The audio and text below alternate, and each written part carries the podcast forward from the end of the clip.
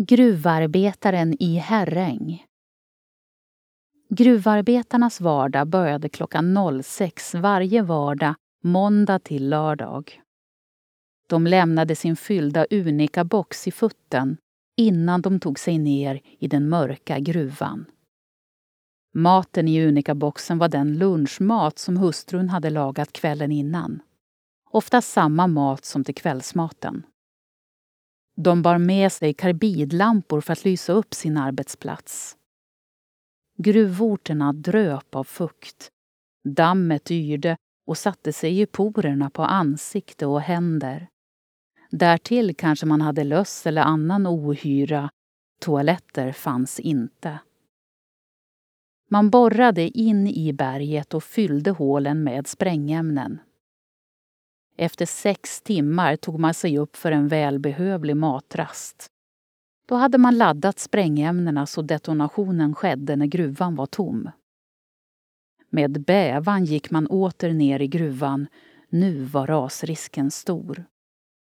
Oro för att inte alla sprängämnen detonerat var mycket stor.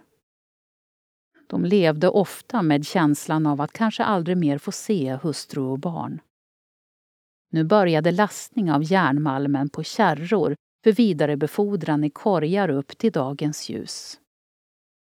Mycket trötta, slitna och hungriga kom männen hem till fruar och barn. Ute på den öppna vinden hade varje familj sin kommod. Där hade frun ställt fram ett handfat med varmt vatten, tvål och en hemvävd handduk att tvätta bort den värsta smutsen med.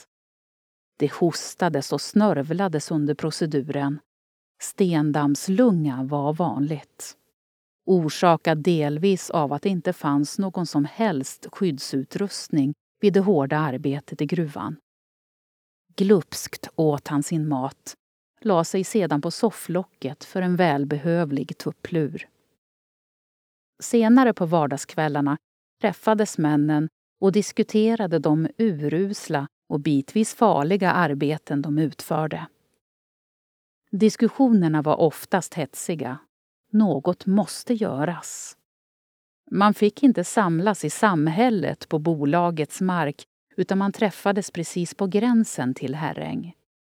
Här började man organisera sig och nu bildades den fackförening som skulle föra arbetarnas talan. Sakteliga blev arbetsförhållandena bättre. När man någon gång besökte brukspatron på hans kontor var det att ta av mössan och buga. Självklart fanns det ljusglimtar i tillvaron. Fisketurer med familj och vänner, kortspel och naturligtvis en liten hutt på lördagskvällen.